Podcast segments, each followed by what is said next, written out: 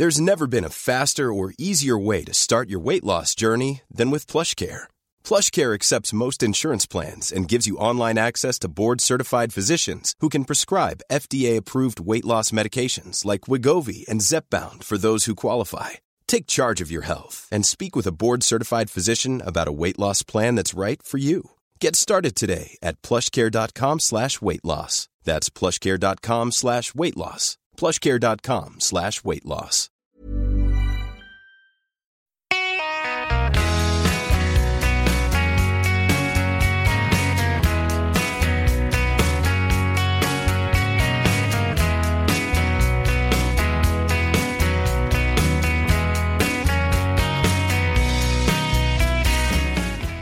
Då kör vi igen. Det är januari, det märker man när man tittar ut. Och eh, vi kör på med avsnitt eh, 72 av denna podcast, Ingvarsson och Persson. Eh, hur står det till i Skövde? Bedrövligt. Alltså, pigg, pigg start. Svinkallt. Ja. Blåser och så har vi ett... De bygger ett stort dagis alldeles nära vårt hus och ma- massa ställningar och vad heter det, plast eh, som eh, omger de här. Som hela nätterna dunkar i ställningar, det blåser så och de har inte fäst ordentligt. Jag ska försöka prata med dem idag. Okej, ja. Den stör min nattsömn. Rörigt. På tal om det kan jag direkt säga att eh, om det hörs borrningar i mitt hus här så, så, eh, så ber jag om ursäkt för det. Jag kan inte riktigt göra någonting åt det. Det är grannarna som, som eh, renoverar. Min eh, kära granne har flyttat ut efter, eh, ja hon har, tror hon har bott i huset i princip hela sitt liv. Det byggdes på, eh, i mitten av 30-talet. Eh, nyss flyttade hon ut för att ja, flytta till ett äldreboende av någon form och då ska det renoveras. Såklart. Vi gör den här podden i samarbete med det nystartade spelbolaget Toto2 som är ett spelbolag som satsar hårt på både trav och fotboll. På travspelen adderar Toto2 till exempel 10 000 kronor i varje lopp på vinnarspelen i V75-loppen eh, varje lördag. Det är tre stycken eh, som väljs ut. De har också flera eh, andra riktigt spännande kampanjer på travet vilket ger ordentligt bra spelvärde. www.toto2.com är adressen för att ta del av de bästa trav och sportoddsen. Dessutom har de eh, nu spel till Prix Marique, ska vi säga. Som vi ska prata en del om här eh, i sändningen såklart. Just nu ger de till exempel på Bold Eagle 3,60. Kan det vara någonting? Ja, för de som tror på Bold Eagle så är det naturligtvis jättebra. Ja, du, du, du eh, låter inte redo att logga in eh, för, det, för den sakens skull. Nej, så långt har jag inte ens tänkt. Men det, nej, inte just nu i alla fall. Nej, nej. Det är också dagen efter det sorgliga beskedet om att en väldigt symbolisk röst för 1990-talet, sångerskan i det eh, irländska bandet Cranberries, som var otroligt stora på den tiden. Dolores O'Riordan har gått bort, blott 46 år gammal.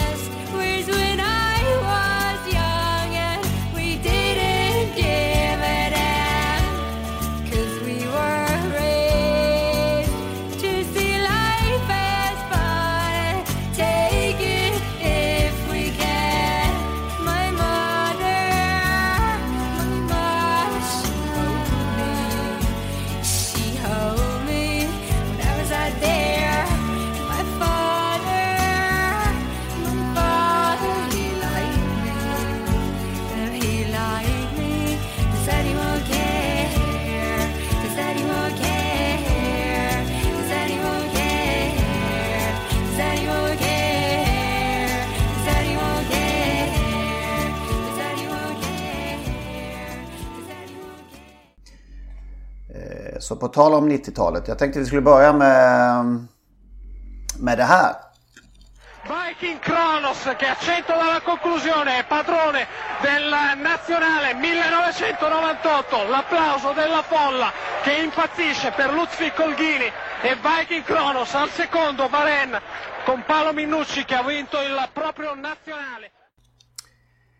Dichanove 98 som han säger där, referenten. Eh, på eh, Viking Kronos, se- ett av Viking Kronos segerlopp från detta år. Eh, vi kollar lite vad som hände. Vi har ju gjort det som vana. 1998 alltså. 1998. Lars Lindberg vann den här veckan eh, en dubbel bergsåker. De körde ju torsdagar då parallellt med Åby på den här tiden fortfarande. Och han vann med Brandy Peter, kommer du ihåg honom? Absolut. Var en härlig typ.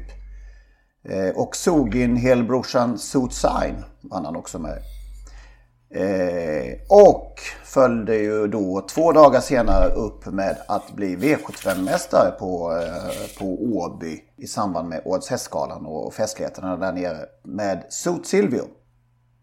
Så det var två Suit Suit-hästar där va? Eh, vad minns du från den? Det var ju den på den tiden du och, och en viss Leif Olsson showade på scenen. Låt mig bara säga att, att Lasse Lindberg vann ju tidigare med en, en eh, hade just den här V75-mästaren och då var vi på Hotell Europa på den tiden. Okej. Och eh, en Axvalläs tränare Conny Holmberg som heter Nicken och jag satt tillsammans med några kompisar ihop med Lasse Lindberg eh, på kvällen på galan. Det var inte så stor gala, det var mest en liten fest, intern fest med de här V75-kuskarna och lite löst journalistpack. Eh, och då för, försökte vi förklara för Lindberg att eh, den är fullständigt stenklar imorgon, Nicken. Och han tog till sig det och vann till åtta, nästan nio gånger om jag minns rätt. Ja, du ser. Det kändes det- som att det pågick lite mer sånt eh, Det var, på den tiden. det var 1978. Oj, ja. Eh, Det här året... 20 19... år senare då, då var det lite större ändå. Ja, då var det ju på Park Avenue om jag minns rätt naturligtvis. Eh, det var en eh, märkligt, äh, märkligt, men lite, lite, eh, oh, lite märkligt. Olle Goop blev årets tränare. Det var inte så märkligt kanske. Nej, och Björn Goop blev årets komet och det var väl heller inte så märkligt. Men sen... Och det, det men- året som han vann bland annat kriteriet ju med, med Sam där. Ja. Och sen kom vi då till årets kusk. Vem skulle vinna av Olle och Björn Goop var den stora frågan. Och det visade sig att de hade exakt antal samma röster, då, samma röstantal. De fick dela på den titeln. Delad titel, det är Ja. nästan enda gången det har hänt va? Ja. Och Kramerborg blev årets häst. Och då ska vi säga att eh, galan, eh, det är den vi refererar till 1998 men det var ju 1997s eh, prestationer som eh, Så. det pratade om. Ja. ja. Ja, men jag kommer ihåg det, min första gala var ju år 2000. Alltså de saker som hade hänt 1999, det var min första eh, på plats. Eh, och jag minns att du presenterade Loket som enbart Leif Olsson. Jaha. Så var det lurigt här i någon sekund innan, man, innan po- polletten trillade ner. Ja. Ehm, minns du någonting från eh, scenen just från eh, den här galan? Som vi pratade? Nej, det kan jag inte säga att jag gör. Nej.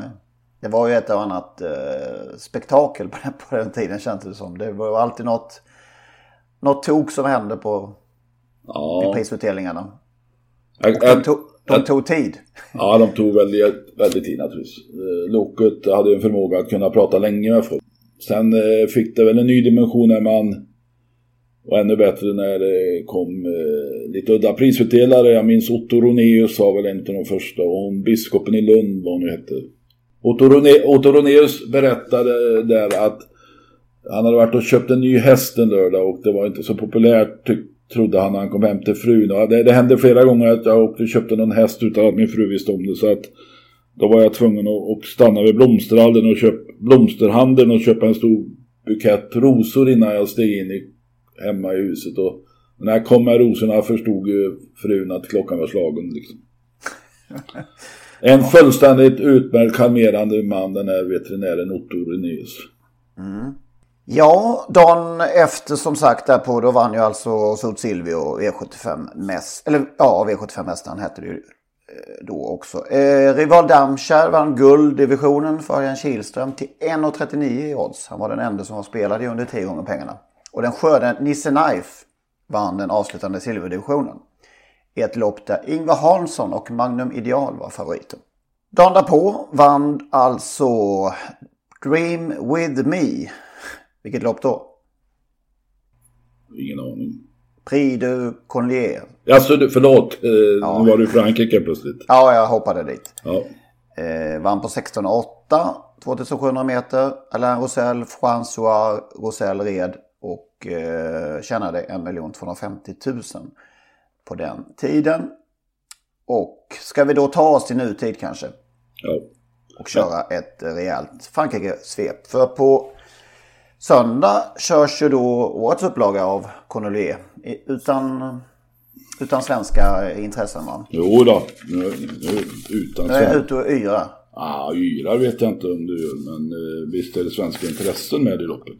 Ja, låt oss höra. Ja, Moving On är klar för loppet. Fyra för två år sedan då. Okej, ja, I det. samma lopp då i eh, Fabrice Solas träning. Mm. Och sen är ju Reckless, eh, så vitt jag kan räkna nu in i loppet, Björn Goop där uppe. Björn Goop tränar ju båda de här. Han är det alltså? Ja, det är ju bra ju. Och han vann ju Prix Pierre Giffard för några veckor sedan på ett fint sätt. I smyglopp där av Erik Raffin. Eh, han är ju lite småintressant även om de här är väldigt bra. Billy Billy och hon som vann i fjol också naturligtvis Bellissima France. Så att eh, det är ett tufft lopp, det är ingen tvekan om. Och aldrig har någon svensk tränad, eh, då menar jag tränad i Sverige, vunnit det här loppet. Däremot har ju Ulf Nordin vunnit en gång med Magnificent och Rodney. Eh, det var 2008 Frank Nivard red om. Ja, Scarlet Knight var ju tvåa i ett år. 2005 efter Jag de Beloé som då vann två, sin andra seger av tre i det här loppet och eh, Mathieu Abrivard red ju vinnaren och Scarlet Knight reds ju av hans eh, sambo fästmö Nathalie Henry. I det loppet tjänade eh, Scarlet Knight 1 570 000 ja det är skapligt och det var faktiskt, Henrik, faktiskt hans näst mest betalda lopp genom hela karriären. Menar du det? Han vann Odyssey Mangelli 1 450 000 och Sprintermästaren 1 092 000 och så då Hambot förstås 2001. Hambletonian Stakes med nästan 5 miljoner. Men just det andra priset på Vincennes i en för honom ovan disciplin gav alltså 1 570 000. På lördag. Prix de Brest. Just det, och det är också ett V-lopp egentligen då. Ja, just det. Dock inte av samma dignitet som de övriga fyra, men det är samma prissumma, 54 000 euro till vinnaren. Eh, det där har ju haft svenska framgångar eh, genom tiderna. För två år sedan vann Jor Heines. 2014 vann Sanity. 2007 vann Hot Tub, du kommer ihåg Marcus Öhmans fina häst. Med Stefan de la Salle, den har jag inte hört talas om på länge. Egon Abeck vann 2002, Lindqvist vann 1997 med Huxtable Hornline. Brest. Vet du något om Brest? Staden Brest. Dålig koll på... Ja, eh. Frankrike, är inte mitt eh, land riktigt. Alltså en stad i eh, Bretagne. Nu, en hamnstad där tyskarna hade en stor ubåtshamn eh, under andra världskriget. Och det innebar att de allierade kände sig tvingade att fullständigt bomba sönder staden Brest. 2,8 miljoner invånare någonting och jag tittade igår, de ligger sjua i League 2 i fotboll. Men Brest fanns också en trave som hette tränades Olle Elstrand och var faktiskt halvbror med Lyon med samma mamma Chassante. Eh, franskfödda Chassante som hade flera avkommor. Lyon var den bästa, var ju Sveriges första miljonär. Sen Brest, Cannes, Avignon och Alicante. Alicante kanske det heter. Alltså döpt efter franska orter, städer. Brest, Kante är väl spanskt? ja, det kanske, ja det är det naturligtvis. Avignon då, det är spanskt också. Nej, det är, Ja. det är franskt. Men eh, den här Brest eh, vann eh, en hel del lopp. Eh, inte som Lyon, men 44 lopp. En gång, och varför jag kommer ihåg det ska jag återkomma till. Det var 1971. Då körde faktiskt Uno Sved Brest och vann på Åby. Och det var en kuskmatch som då hette Champion Cup.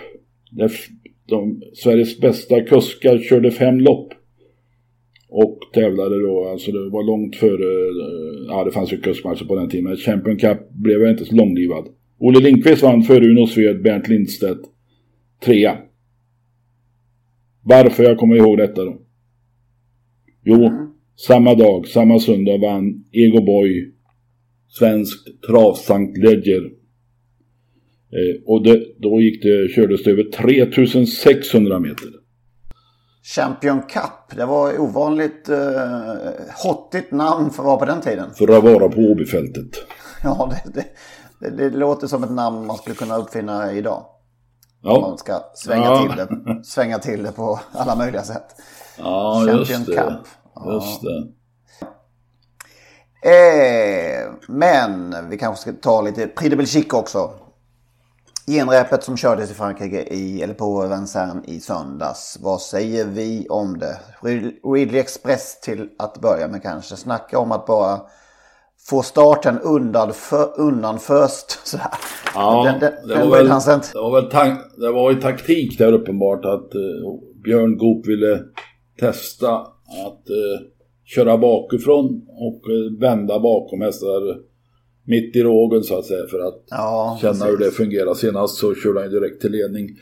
Eh, alltså, han blev trea Ridley Express men och vi har haft svenska vinnare i Prix d'Amérique. Vi har haft svenskfödda vinnare i Elitloppet men frågan är ändå om inte detta var i alla fall ett av de bästa lopp en svenskfödd häst har gjort. Ja, det låter konstigt att säga så kanske. Men, men det, Ja. alltså, när, man, när det var... eh, När de gick ut på... eh, Vad ska, man, vad ska vi ta? Ja, tusen kvar. Uppförsbacken där så kan han vara sjua är det fantastiskt. Ja, tusen kvar sa jag just hemma i soffan här att eh, idag är Björn inte särskilt intresserad. Och ändå var han med och slog som segern in i det sista. Alltså, det, Ja, det är det faktiskt- var det så makalöst bra. Ja. Och som han ser ut. Ja, han, han såg läckrare ut än någonsin får man säga så. Det kanske man Mm. Ja, det, det, det är du som inte brukar vilja säga så. Nej. Vad ska vi säga mer? Bold Eagle. Fyra andra platser i rad, vad säger det? Ja, vi har ju vi har pratat om det tidigare här ju. Att det ändå säger någonting och att det säger väldigt mycket att eh, man då... Trots att man har sagt att man har varit nöjda så har man alltså velat mixtra med balansen och testa nya saker. Och det är ju någonting man absolut knappast hade gjort om man inte hade varit bekymrade. Och det är väl så som jag läste Frank Nivar sa någonstans att hästen har, har inte samma skärpa längre. Alltså alla hårda lopp börjar ta ut sin rätt. Så att det, det krävs ju en fullständigt fenomenal körning av Nivard för att eh, Bold Eagle ska vinna sin tredje raka eh, seger i Prix d'Amérique. Alltså det är inte så lätt att, att vinna tre, tre segrar överhuvudtaget i Prix d'Amérique. Alltså Reddy Cash försökte ju. Eh, Inte ens han klarade det. Nej, Varenne klarade inte. Den senaste som klarade var Orasi 86, 87, 88. Tidigare Berlin och två, tidigare, eh, inte ens tidigare än Pelot klarade. Rocco Pin också, och Uran. Så att det är väldigt få hästar som vinner tre Prix d'Amérique. Och ännu färre som vinner fyra, och det är bara Orasi. Jag gjorde en sån här liten omröstning på nätet. Ja, Eh, 240, 250 röster, 249. Eh, av dem trodde 12% att Bold Eagle ska vinna Prix d'Amérique. 12% alltså det ja, lite mer än var tionde. Var tredje tror på Ridley Express. 33%. Och Propulsion är då svensk da, favorit i min omröstning 44% och sen hade jag någon annan på 11%. Eh, Detta kan vi då jämföra med en omröstning som jag sett i Kidia News i Frankrike. Där Ridley Express är knapp favorit med 32% av rösterna. Bold Eagle 31. Bird Parker 19. Och Propulsion 18. Jag bara tänkte på det. Tänk, tänk varannan då. Vilken jävla häst det var. Monumental eh, travhäst. Tänk med tanke på vad han uträttade. Att han, det är tre Elitlopp han gick. Två av dem som har vann och Prix d'Amérique och eh, två vin, vinster vann. Ja. Och de typ av löpningar han fick och gavs, det var ju liksom i regel inte några kusk-virtuos-triumfer Nej, det var som en, gällde med den gode Minucci. det, var, det, är, det är väl som... Eh, eh, det kan ju väl vara så att han är världens bästa travhäst genom tiderna. Ja. ja, vi får se vad som händer sista, sista veckan. Det är anmälning om en dryg vecka. Ja, det är det ju. eh, Det blir spännande. Det är alltid Ja. så. Det blir alltid spännande in i slutet. Men nu, numera vet man ju vilka som är klara för loppet. Mer eller mindre. Ja, precis.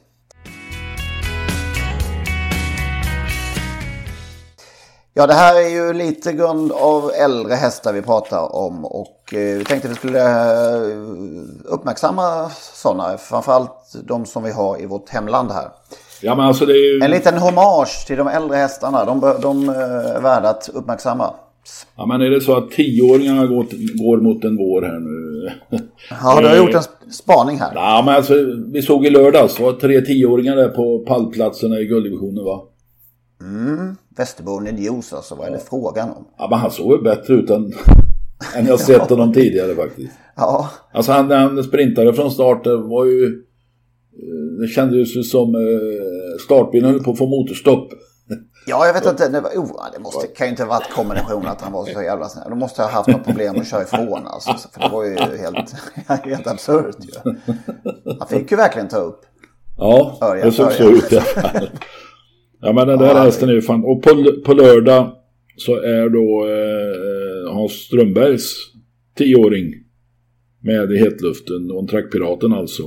Mm. Kan vinna guld kanske. Han är till i alla fall favoriterna. Vi har då AC då, som var två i lördag som ska starta sin tredje gång i, i Prix d'Amérique. Tjänade 2,5 miljoner nästan i fjol som nioåring och nästan 18 miljoner totalt. Västerbo Unios, 2 miljoner drygt i fjol. Har tjänat 4,8 totalt och vann ju 200 000 i lördags. Och Trackpiraten 2 miljoner i fjol, 15,5 totalt. Västerbo Highflyer vet jag inte hur det står till med. Som nioåring så han vann väl Jämtlands stora pris och, och eh, gjorde flera bra lopp och tjänade 1,3 miljoner, 5 miljoner totalt. Han slog ju faktiskt Nuncio om jag minns rätt. Nancy med de Roads lopp. Just det. Jo, och Petergöm, en miljon nästan i fjol, 3,2, 3,3 totalt. Eh, Royal vinner, Westholm 659 000 i fjol. Rocky winner va? Rocky vinner, förlåt. 6,2 6,2 miljoner totalt. Dessa är alltså alla, alla 10 år i år. En annan 10-åring, Evens First Boy, har ju hittat en ny vår i Monté. var ju fantastiskt på Solvalla för onsdagen. Just det, vi har Candor Hall också. Candor Hall har vi också. Surprise Power och den gång på gång oerhört piggt spurtande även i lördags Silver Annie. Ja, just det. 10-åriga Silver Annie som gör sin sista säsong. Det är så bland människorna så medellivslängden ökar ju. Ja. Ganska radikalt har det gjort under de senaste 20-30 åren. Eh, 40 åren till och med. Eh, Hur är det med hästarna? Eh, Är medellivslängden för en eh, travhäst har den blivit längre så att man kan låta dem starta ytterligare något år? Ja, vi har, brukar ju säga att det börjar mm, mer och mer gå tvärtom hållet. Att, att vi bränner ut dem som unghästar. Jo, men det är ett val man gör. Ja, jag menar det. Så att det, det gäller... De här, alltså man kan ju tänka springer om. Eh, kunde han få tävla ett år till? Ja, det är möjligt. Eh, hur som helst så lär vi behöva dem i framtiden. Eh, så att det är en liten love-bombning här på de äldre hästarna tycker jag är på sin plats. För det, blir, det, det verkar ju inte bli mindre fokus på unghästar eh, framöver. Då är det nog bra om vi har lite gamla som kan fylla de andra loppen också. Ja, Så att vi får våra, våra V75-omgångar och dylikt. bäst och sämst. Bäst sen senast. Ah, ja, ja, alltså det går inte att komma förbi eh, Ridley Express. Eh, så, så läcker han såg ut och som fantastiskt lopp han gjorde. Och det var hans sämsta placering i livet hittills. Var det så? Alltså? Ja, han har aldrig varit sämre. Ja, det går inte att komma förbi det. Han såg så oerhört läcker ut och gjorde ett så fantastiskt lopp så det var det absolut bästa. Hela Prix Belgique, eller stora delar av Prix Belgique var bra alltså, men Ridley Express var ju eh, russinet i kakan var lite rosen på tårtan. Jag tror inte ens vi har nämnt att eh, Bird Parker vann loppet. Nej, det nämnde du nu och han vann sitt Ja. andra B-lopp alltså. Ja visst. Och seglar kanske upp lite som en, en trots allt kandidat till uh, Ja, segern. en 12-oddsare möjligen. Ja. Jag säger lite eh, förutsägbart kanske och många tycker kanske att det pratas lite väl mycket om henne. Men Kim, Kim Moberg, jag måste nämna henne igen. Det är klart att det var, det var ingen mil- millimeterstyrning det handlade om i lördags. Hon hade liksom hon hade nog bästa hästen för dagen i Global Unlimited. Men ändå, hon, hon förivrar sig liksom inte. Hon svarar anfall där i tredje spår på, på sista bortre. Och hur enkelt är det inte i den åldern att förivra sig då? I, I den åldern. Det är många som är dubbelt tre gånger som gamla som förivrar sig genom ja, slutrundan. visst. Ja, men att köra lite för fort där på baksidan och inte komma förbi. Du vet sådär. Ja. Han satt lugn. Satt lugnt, sitter still, kör för fullt 200 kvar och avgör i god tid. Det är prydligt. Mycket, mycket snyggt. Sämsta? Ja, det är det som hände i Östersund. Får ju inte hända. Ska vi lyssna på Ulf Olsson? Ulf Olsson var arg. Ja, vi Så lyssnar. in i helsikes arg. Ja. Homemade bourbon om vi börjar där. Ja, man blir så jävla irriterad. Vi hör ju inte ett jävla skit att omstart. Du, vi börjar där då med omstarten. Precis, vi hör ju ingenting. va, Så att det, det, det är ju skandal tycker jag. Trav omsätter i miljarder och vi aktiva, det- de skiter i bana med, med ljud och man byter om ibland på ingenting, inga omklädningsrum eller någonting. Jag tycker det är för jävla dåligt helt enkelt. Men, Är du förvånad över att startbilen inte eh, fångar upp er så att säga? ja, men nej, inte det. Ja, det ska jag också göra. Men Jag tänkte att det var ett sätt att komma till bukt med att inte eh, höra att det är omstart. ja, absolut. Den här dagen var ju förstörd för min häst efter eh, första loppet. Så att, eh, Som blev het eller? Ja, precis. Ja, det är jättetråkigt att det blir så här. va, Men ja, vi får hoppas att eh, ATG STC att de kan sponsra banan så att det finns högtalare och omklädningsrum att vara aktiva. Vi ställer upp på intervjuer varje vecka och inför TV och fixar så att de spelar för miljarder om år. Va? Men vi får inte så mycket tillbaka. ja, det var alltså två svordomar på de inledande 120 hundradelarna. Någonting. Ja, det var snabbt och elegant. Ja, Men det, han har ju rätt, alltså det får ju inte hända. Självklart kan det hända att, att eh, blås påverkar och så vidare. mm, Som man inte hör, men eh, så blåser man av loppet och de springer ett varv, några hästar, då kan man ju inte kalla till start bara ett par minuter efter.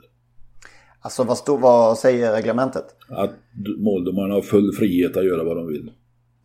Och här handlar det om, för det första djurskyddet, som ju eh, svensk travsport har oerhört hög svansföring när det gäller djurskyddet. Men då gäller det att leva upp till det också och lära sina funktionärer att djurskyddet måste alltid gå i första hand. Och tvingar då ut hästar på 2600 meter eh, direkt, nästan direkt. Och man såg hur de, eh, jag tittar på det efteråt, hur de svimmade hästarna mer eller mindre.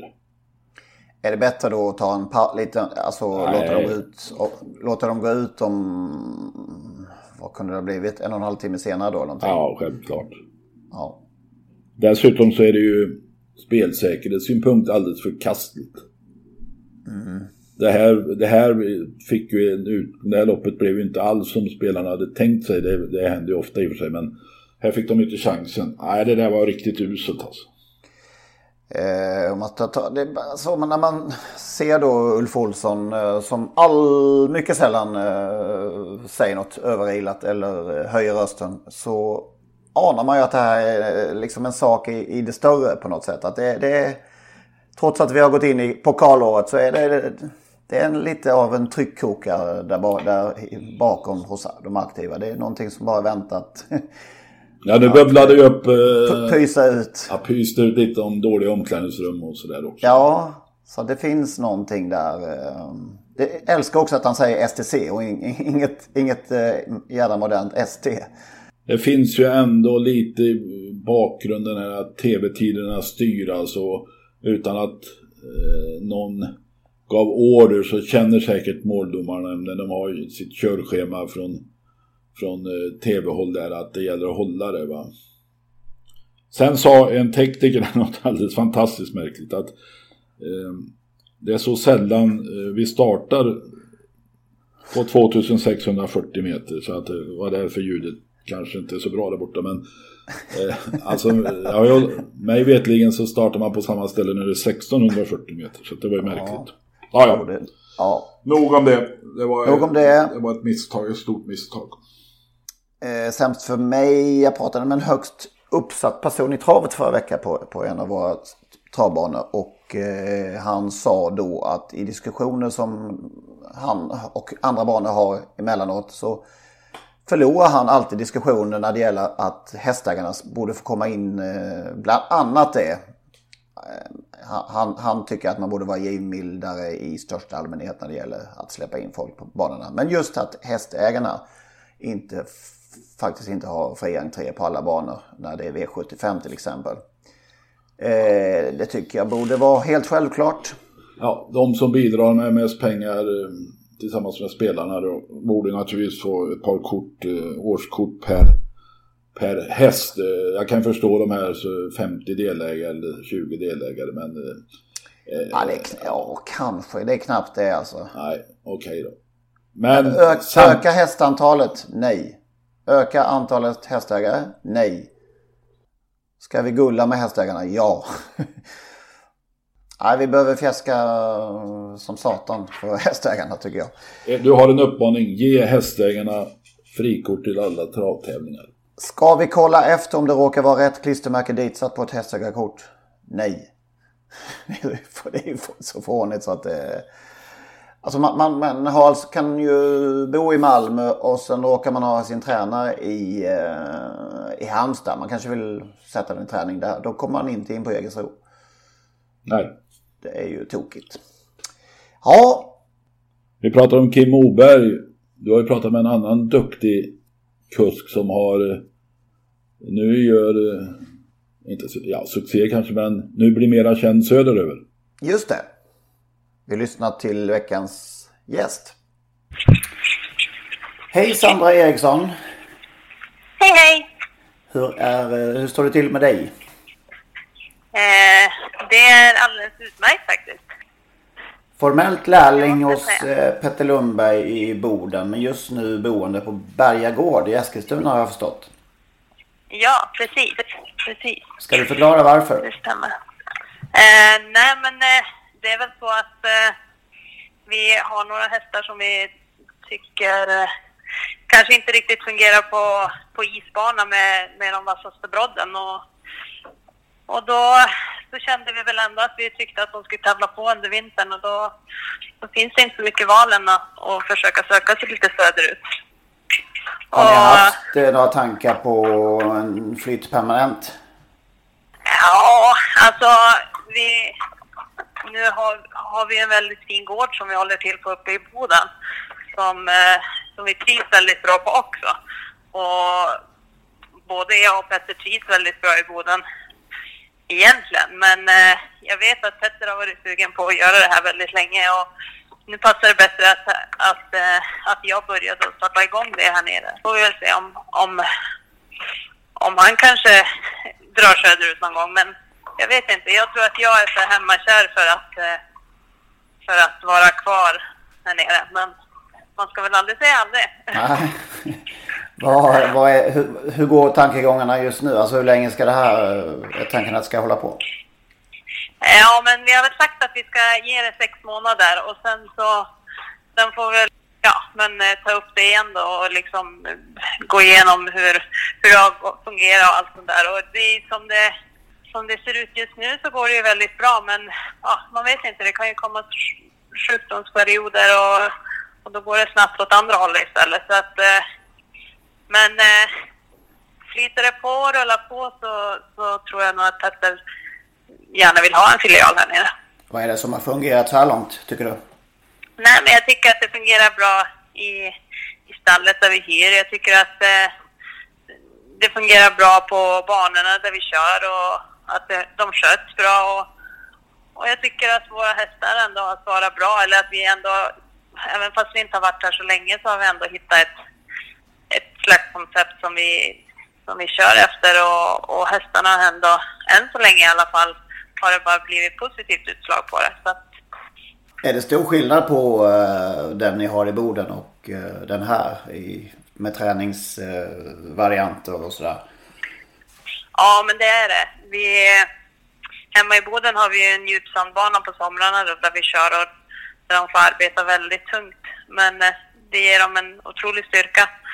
Eh, på vintern hemma så har vi ju isunderlag och så kör vi en väldigt lång backe där som är drygt en kilometer. Så att eh, det är skillnad. Här nere har vi en rakbana och eh, rundbana och så har vi en slinga med en liten backe. Så att eh, det är lite skillnad. Men eh, är inte så tokigt för hästarna heller tror jag med variation i träningen. Jag tror att, ja, jag, eh, jag tror att eh, det håller dem ändå lite fräschare att de får variera lite, lite träning och underlag och så. Ja, just det. Många har ju sett dig som en som skulle kunna etablera sig i en, liksom en kusktopp. Men att din geografiska utgångspunkt lite grann har satt käppar i hjulen. Hur ser du på de tankegångarna till att börja med? Ja, men det är jättekul att få att, eh, att folk säger så, sådana saker om men Det är liksom, jag, eh, jag älskar att köra, köra lopp och, och jag, eh, då är det självklart kul att få höra att folk tycker en är duktig men sen är det ju så, jag har ju hållit till i Boden och då är det ju inte så lätt att fara på många tävlingar. Det är ju mest som hemikring och det är nog långt till dem så att eh, Men nu är jag ju här nere i alla fall och nu finns jag här. Sen är det lite upp till bevis om, eh, om jag får köra mer eller om, ja, och, eller om det fortsätter rulla på att, Ja, vad, skulle, som det har varit. Men vad skulle du vilja att, eh, att flytten innebär vad, vad gäller den biten? ja, alltså. Ja, mitt första fokus här nere är ju bara att fokusera på, på hästarna som jag har hand om här nere. Och, men sen så är det ju en bonus om jag får köra mycket lopp. Jag, jag gillar ju att köra lopp så att eh, det är självklart. Det, jag hoppas väl på att jag ska få göra det men eh, det är ju ingenting man tar för givet utan det är sånt som man får bevisa att man, man är nog bra för att platsa också. Mm. Du tappade championatet i år i, i Boden. Ja, precis. Jag gjorde det. Jag har prioriterat, jag prioriterar väl kanske lite tokigt i år. Jag har kört väldigt mycket mindre lopp, men eh, dels har vi varit utomlands ganska många tävlingar under när Boden har kört och sen så, eh, sen så har jag prioriterat och försökt vara på de här loppen jag blivit inbjudna till. Och det var väl också kanske lite för att jag visste, eller jag hade i tankarna att, att jag kanske skulle flytta ner. Så att, eh, Okej. eller ha- då hade jag ju tur att få vara med i de loppen och kunde tacka ja till dem då. Och så prioriterade jag att vara på dem istället.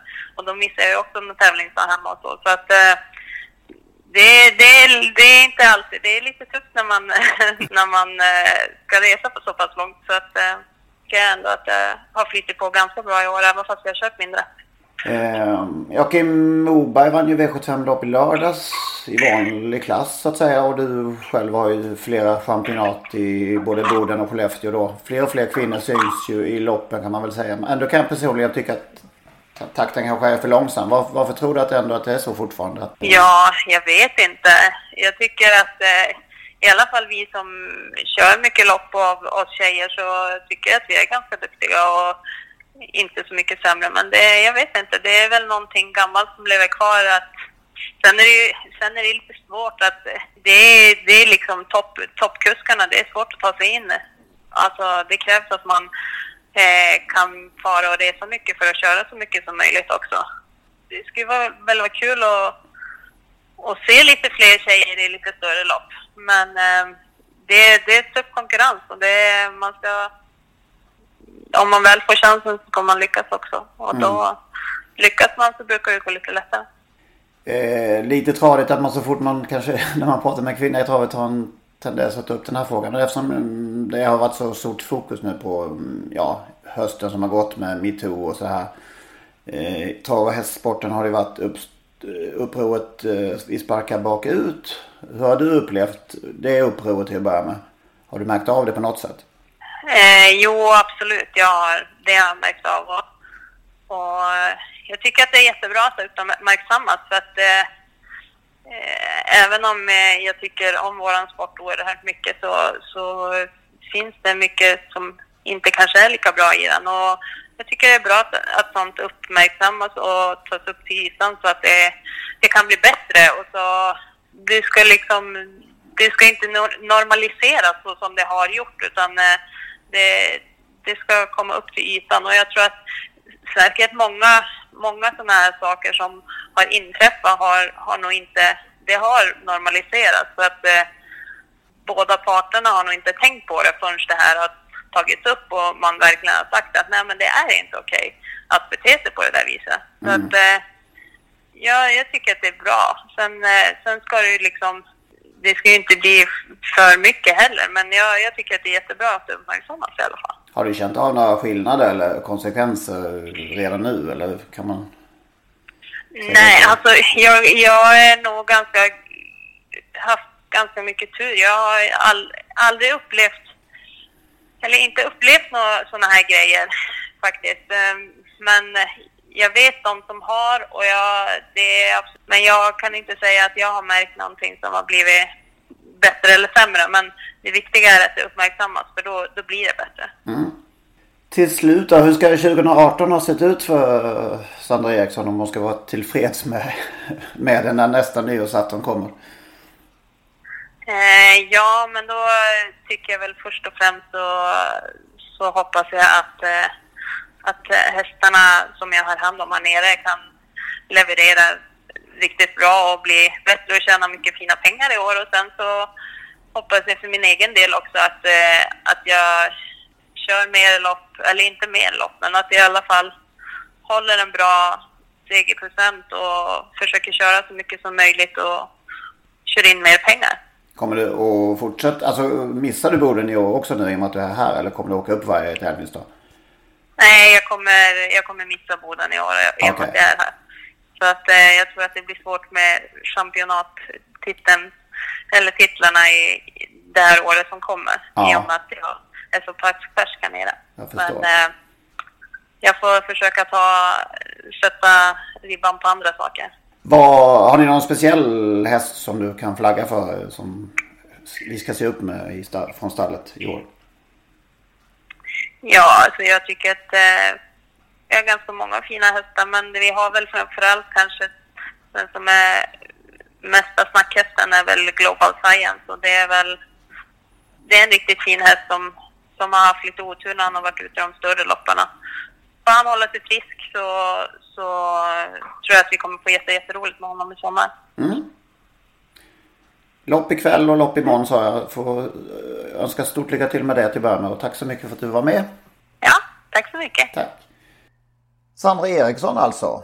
Ja, hon håller nu till i Eskilstuna-trakten om jag har förstått det rätt. Precis, eh, tio hästar i runda slängar har hon och eh, Petter Lundbergs, från Petter Lundbergs stall i Boden. Eh, ja, det blir spännande att följa. Hon sa det när vi hade lagt på att, eller stängt av maskinen här, att eh, de kommer, de kommer att eh, växla hästar också. Så de, de kommer åka lite fram och tillbaka. Så att de får... Och det har ju börjat bra som sagt. Mycket bra. Har du tittat någonting på någon bok? Möjligen? Ja, det har jag naturligtvis. Vi... Det, eh, det är inte vilken bok som helst. aha. Och man behöver inte ens kunna läsa för att tillgodogöra sig den här boken. Det är nämligen, och det kan ju vara aktuellt nu, eh, Einars bilder som gavs ut av ST, eh, Svensk Travsport, Svenska Travsportens Centralförbund hette det då naturligtvis. I 2001, Einar Andersson som en av världens, kanske världens bästa hästfotograf, som nyligen lämnar oss. Just det. Eh, har, eh, alltså det är så fantastiska bilder från olika miljöer, från olika hästraser. Alltså vildhästar i Nevadaöknen, simmande hästar i Norge, eh, hingstutsläpp på Vången och så då naturligtvis eh, från tävlingar eh, både i galopp och i travsport från och eh, överallt i hela världen alltså. Den här bilden när de simmar till en ö West Virginia inför 40-50 tusen åskådare varje år. eh, häst, hästsim alltså. Hästsim. Ja, det det, låter- det är underbart. Underbara bilder. Det låter som väldigt mycket bilder eh, som skulle kunna vara tagna till Einars hästkalender på den tiden när han Absolut. stod för dem. Ideal de i Atlantens vågor, alltså utanför San Wow, Michel. det låter. Där har jag faktiskt varit och tittat en gång i tiden. När han hade flyttat därifrån. Kopiad seger i Elite. Och jag kan bläddra hur länge som helst. Och så hittade jag en liten, liten bild ifrån Axvalla. På en häst som heter Clay Nips. Och då satt jag bredvid Einar. På restaurangen. Jag tror SOK, Svenska Hästsportjournalistisk klubb, hade något möte. Vi satt på restaurangen och åt. Och helt plötsligt, Einar hade kameran intill sig. Okej. Och helt plötsligt så gick tummen sönder för Risto Ayrakinen som då var tränare på Axvall. Eh, den brast och vad gjorde Risto? Jo, han klättrade upp på ryggen på hästen. Okej. Och tog tag då i huvudlaget. Just det, där. det minns jag det här. Ja, och då tog, då tog Einar fram sin kamera som låg bredvid mattallriken där och tog, knäppte en bild genom rutan där. En fantastisk bild alltså. Alltid redo. Alltid redo, ja. Nej, den, jag vet inte om den finns kvar. Bengt Berg var faktiskt redaktör för den här boken. Okej, Bengt Kylan Berg. just det. Ja, så att eh, den är verkligen värd att försöka få tag i. Ego Boy, seger mot Flower Child. Ja, det finns ju. Var det något, eh, an, vilket antal bilder det som rymmer denna? Nej, det, det Detta vet jag verk. inte.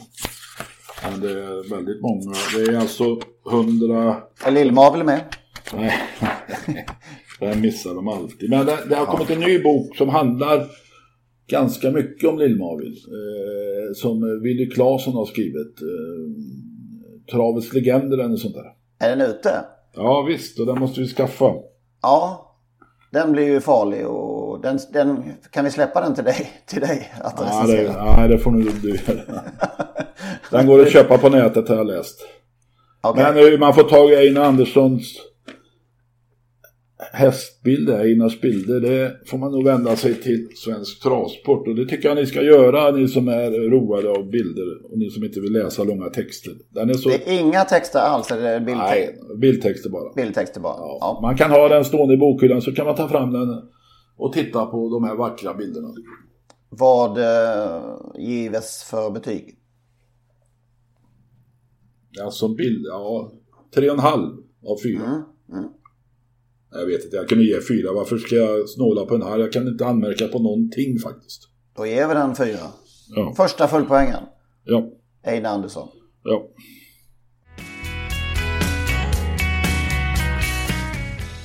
Då tar vi duellen.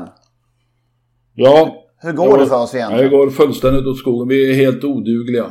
Jag tycker jag har en helvetes otur faktiskt. Ja, din hoppa är ledig, men min hoppa, den var... Åh, vad trött. Trott Kronos, han kunde ingenting. Nej. Men min var ju spets som jag räknade ut och eh, såg ju inte på något sätt ut som han hackade i, hon hackade i travet eller så. Utan det var, kom från... Hon snubblade till. Som det ser ut. Hade väl knappast... Hade, borde haft bra chanser i alla fall i, i ledningen där. Vi tar nya tag. Jag spelar faktiskt på Mahoney Valborg Marje avdelning 2, häst nummer 6. Ja, vi ska säga det. Det är spel. Toto 2s lopp den här veckan är lopp avdelning 2, 5 och 6. Och jag eh, sätter mina slantar på 6 Titan Brodde i den sjätte avdelningen. 150 kronor spelar jag. Och då kommer vi till... Jag spelar 100 kronor bara. Ja, Då kommer vi till tävlingen. Vilket, vilket avdelning är tävlingen? Är det avdelning 6 alltså? Avdelning 6 har vi bestämt att vi kör tävlingen om eh, två ytterligare Elitloppshelgsbiljetter. Värda 490 kronor. Och då ska ni då tippa vinnaren och eh, som utslagsfråga Oddset. Toto 2s, Toto 2s vinnarodds. Precis. Och svaren, svaren ska vara inne senast lördag. Lördag 13 har vi kört och vi mejlar till henrik.ingvarsson.telia.com. Och vilka vann förra veckan? Vilka vann förra veckan nu då? Här kommer de. Det var tre vinnare. Tre, exakt tre hade, hade, hade alltså eh, Kahar QC som gav eh, 6,15 på Toto 2. Men det hade ingen betydelse eftersom vi hade tre biljetter att dela ut. Johan Kilberg, Pontus Paulusson och Emil Haglöf kan förvänta sig eh, Elitloppshelgsbiljetter till, eh, till våren här. Och eh, jag hör av mig oss om det praktiska. Kan jag säga. Eh, Vi kan säga också att på ATG hade man fått 4,56 på KQC. Övriga loppen Olle Rolls gav 6,10 på Toto 2, 3,58 på ATG. Cash Brodda 3,99 på Toto 2 och 3,34 på ATG. Så får vi se hur det går till helgen. Du leder nu då på grund av att du... Eh, Jag är snål. Bly- Ja, blygsamma ja men det, får man inte in någon kan man inte vinna. Det är omöjligt. Nej, ja, nu får vi skärpa till oss. Så hörs vi om en vecka igen. Då blir det lite Prix special kan vi flagga för. Vi kommer att eh, prata med en del personer inför eh, det stora slaget i Paris om eh, lite knappt två veckor. Så är det. Så är det. Ha det gott så länge. Ha det gott. Ja. Hej. Hej.